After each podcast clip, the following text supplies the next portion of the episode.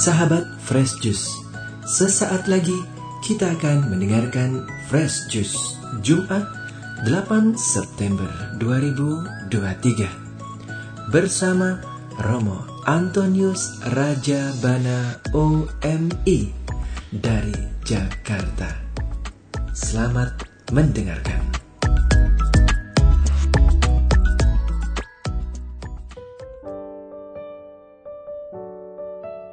Para sahabat Yesus yang terkasih, hari ini gereja pada tanggal 8 September hari Jumat mengajak kita untuk merayakan pesta kelahiran Santa Perawan Maria.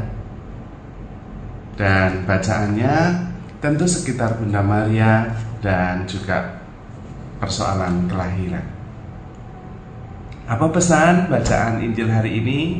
Mari kita dengarkan bacaan Injil selengkapnya. Injil hari ini diambil dari Matius bab 1 ayat 1 sampai 16 dilanjutkan dengan ayat 18 sampai 23. Mari kita mendengarkan dengan hati terbuka. Inilah Injil suci menurut Matius. Dimuliakanlah Tuhan. Inilah silsilah Yesus Kristus, anak Daud, anak Abraham. Abraham memperanakkan Ishak, Ishak memperanakkan Yakub, Yakub memperanakkan Yehuda dan saudara-saudaranya. Yehuda memperanakkan Peres dan Serah dari Tamar. Peres memperanakkan Hezron Hezron memperanakkan Ram. Ram memperanakkan Aminadab. Aminadab memperanakkan Nahason Nahason memperanakkan Salmon. Salmon memperanakkan Boas dari Rahab. Boas memperanakkan Obed dari Rut. Obed memperanakkan Isai. Isai memperanakkan Raja Daud. Daud memperanakkan Salomo dari istri Uria. Salomo memperanakkan Rehabeam. Rehabeam memperanakkan Abia. Abia memperanakkan Asa. Asa memperanakkan Yosafat.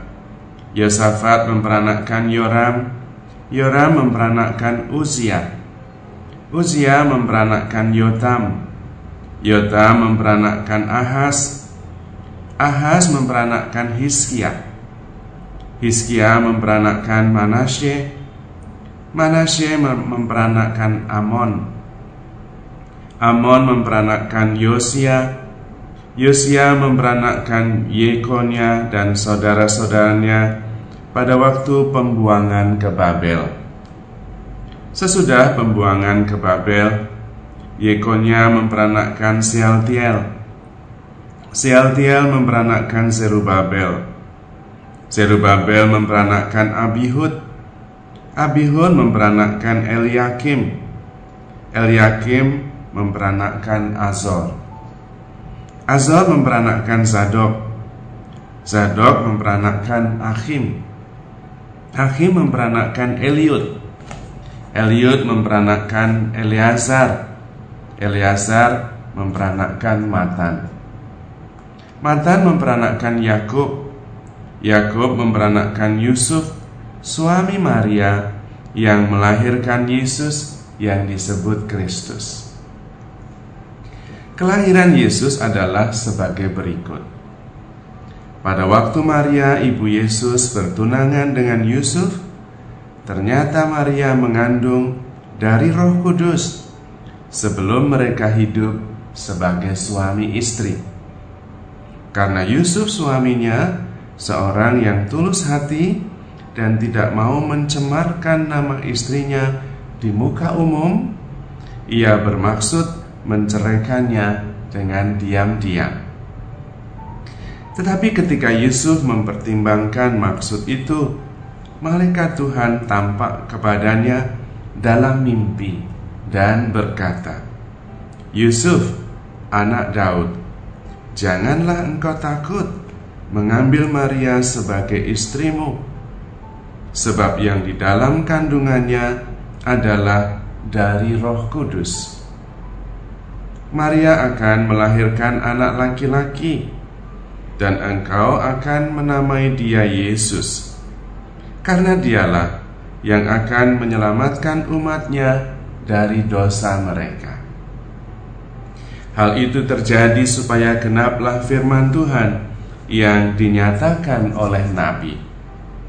Sesungguhnya anak darah itu akan mengandung dan melahirkan seorang anak laki-laki dan mereka akan menamai dia Immanuel yang berarti Allah menyertai kita. Demikianlah sabda Tuhan. Terpujilah Kristus. Para sahabat Juice yang terkasih Bacaan hari ini panjang. Dan kalau kita tidak mendengarkan dengan hati terbuka Mungkin dirasa membosankan. Tetapi sebetulnya pesannya begitu banyak. Pesan yang pertama dari silsilah jelas bahwa Tuhan sudah merencanakan kehidupan kita sebelum kita dilahirkan. Itu berlaku bagi kita semua, bukan hanya berlaku bagi Tuhan kita Yesus Kristus. Itu artinya kelahiran kita ibu itu bukan kecelakaan. Tuhan punya rencana dan hidup kita ada di dalam rencana Tuhan. Itu penting sekali. Kesadaran ini membuat kita bisa menghadapi kehidupan dengan penuh iman dan harapan. Bukan dengan penuh dengan keluh kesah, seolah-olah kelahiran kita adalah sebuah kebetulan atau bahkan lebih buruk kecelakaan. Tentu tidak. Tuhan punya rencana indah atas hidup kita. Dan kalau Tuhan mengizinkan kita menikmati kehidupan di dunia ini itu adalah anugerah yang luar biasa bahwa kita pernah ada, pernah lahir, pernah menikmati kehidupan yang menakjubkan ini. Selain itu kita juga bisa belajar dari kisah proses bagaimana Santo Yosef mengalami rencana Tuhan dalam hidupnya. Nah, itu yang penting. Tentu pada waktu itu Yosef mengalami pergulatan batin yang luar biasa, ya, tidak sederhana. Kita bisa membayangkan kalau Anda atau kita, salah satu di antara kita, mengalami seperti yang dialami Santo Yosef, kita tentu juga mengalami pergulatan batin yang tidak ringan. Bagaimana tidak? Santo Yosef secara tradisi sudah bertunangan dengan Maria, Bunda Maria. Bunda Maria masih muda, Santo Yosef sudah cukup dewasa dan mereka sudah bertunangan. Tentu sebagai orang beriman, Santo Yosef merasa bersyukur atas rahmat Tuhan, atas rencana Tuhan bahwa dia ditunangkan dengan seorang gadis baik yang cantik, Bunda Maria. Namun betapa terkejutnya ketika kemudian dia tahu bahwa Bunda Maria ternyata sudah mengandung. Bagaimana? Apa rencana Tuhan? Kenapa Bunda Maria sudah mengandung padahal mereka belum menjadi suami istri?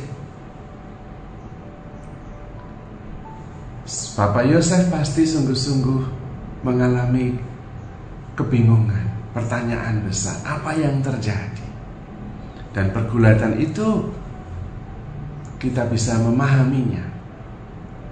Tetapi dikatakan di dalam teks Injil hari ini bahwa Bapak Yosef karena punya hati yang tulus ya, dan jujur dan suci dan benar dia mau menceraikan Maria. Mengapa tulus hati kok malah menceraikan? Kalau kita tidak merenungkan dengan teliti mungkin kita bisa bingung juga dengan rumusan Injil. Tulus hati tapi mau menceraikan. Gimana?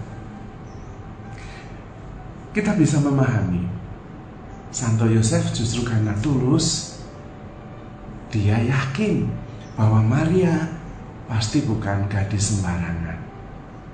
Tidak mungkin dia main-main. Kalau dia sampai hamil itu pasti karena Tuhan. Dan Santo Yosef merasa takut.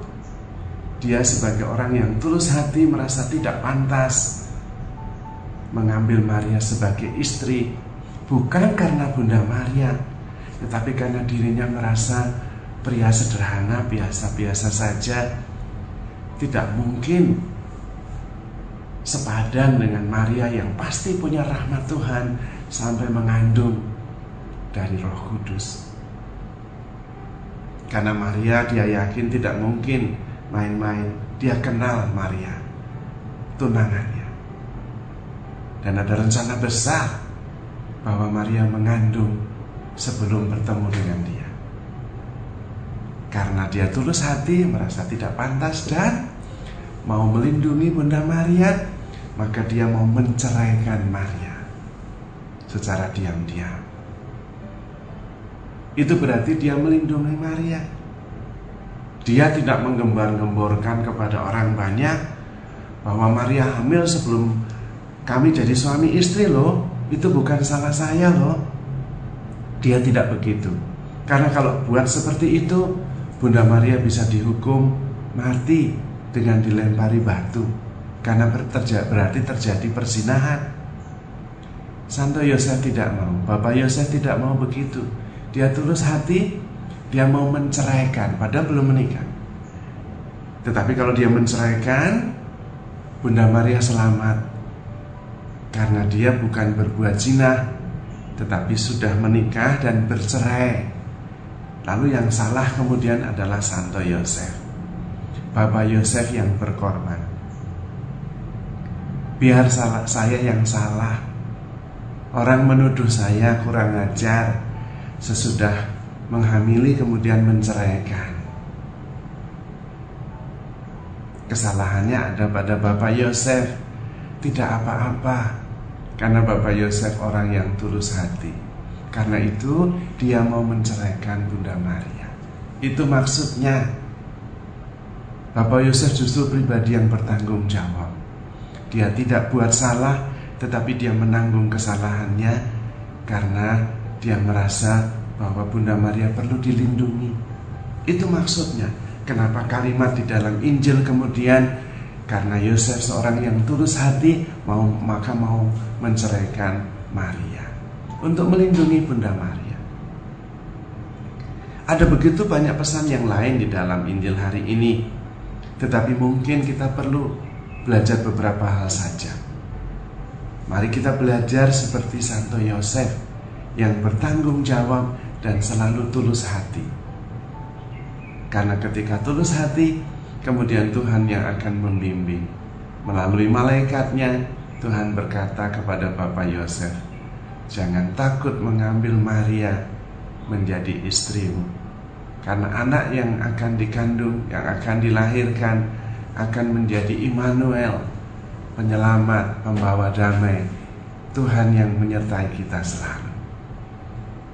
Kalau kita berani, tulus hati, dan sungguh-sungguh mengikuti gerakan hati bimbingan Roh Kudus yang ada di dalam hati kita, dalam situasi kebingungan yang mustahil ada solusi, Tuhan akan memberi solusi. Maka para sahabat Kristus yang terkasih, mari kita belajar dari Injil hari ini. Pertama, bahwa Tuhan punya rencana atas hidup kita. Yang kedua, kalau kita tulus hati, berdoa, bersyukur, dan mengikuti bimbingan Roh Kudus, kita akan mengerti rencana Tuhan itu dengan baik, dan kita akan dibimbing untuk kemudian menemukan apa yang Tuhan rencanakan itu, dan kita pasti bisa menjalaninya dengan penuh rasa syukur dan sukacita seperti Bapak Yosef. Kita belajar juga sekaligus dari Bapak Yosef seorang pria sejati yang bertanggung jawab, yang rela berkorban dan tulus hati, penuh rasa syukur dan kerendahan hati, percaya akan bimbingan Tuhan. Mari para sahabat Yesus yang terkasih, kita mohon berkat Tuhan supaya kita bisa belajar dari Injil hari ini menjadi pribadi yang makin berkenan kepada Tuhan dan belajar dari Bapak Yosef supaya kita bisa menjadi pribadi-pribadi yang berkenan kepada Tuhan, diberkati oleh Tuhan. Marilah berdoa. Allah Bapa Maha Baik, kami bersyukur atas firman-Mu hari ini yang membantu kami untuk lebih mengandalkan Engkau dalam hidup ini. Percaya bahwa Engkau mempunyai rencana indah atas hidup kami, sehingga kami tetap mengandalkan Engkau dan terbuka terhadap bimbingan Roh Kudus. Karena percaya dengan bimbingan Rohmu, kami akan menemukan kehendakmu menjadi pribadi yang berkenan di hatimu, penuh sukacita dan syukur, dan menerima berkat yang berlimpah darimu. Semoga berkatmu melimpah atas kami semua, keluarga kami, pekerjaan dan niat baik kami. Di dalam nama Bapa dan Putra dan Roh Kudus. Amin. Sahabat Fresh Juice, kita baru saja mendengarkan Fresh Juice Jumat 8 September 2023. Saya Yofi Setiawan beserta segenap tim Fresh Juice mengucapkan terima kasih kepada Romo Antonius Raja Bana untuk renungannya pada hari ini.